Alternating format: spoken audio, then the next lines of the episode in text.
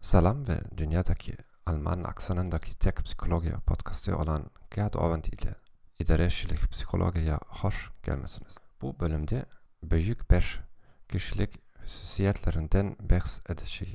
Büyük beş şahsiyet hususiyetleri çok güman ki dünyanın en popüler şahsiyet modelidir. Beş şahsiyet hususiyeti faktör tehlili yolu ile elde edilmiştir. Bir amil tehlili anketteki başlangıçta çok sayıda sualda esas amilleri tayin etmeye imkan veren statistik bir teknikadır. Benzer sualları amillere gruplaştırmaya imkan verir. Aynı zamanda amiller özleri birbirinden mümkün kadar benzemir. Beş amil bunlardır.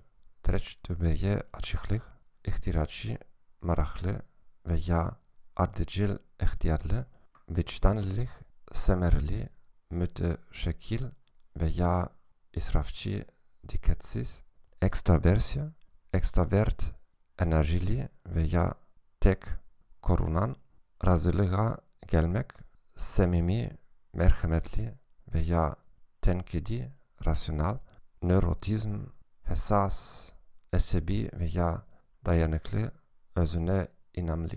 Tecrübe için, açıklık için bazı numunevi suallar. Mükemmel fikirlerim var. Ben şeyleri tez başa düşürüm. Çetin seslerden istifade ederim.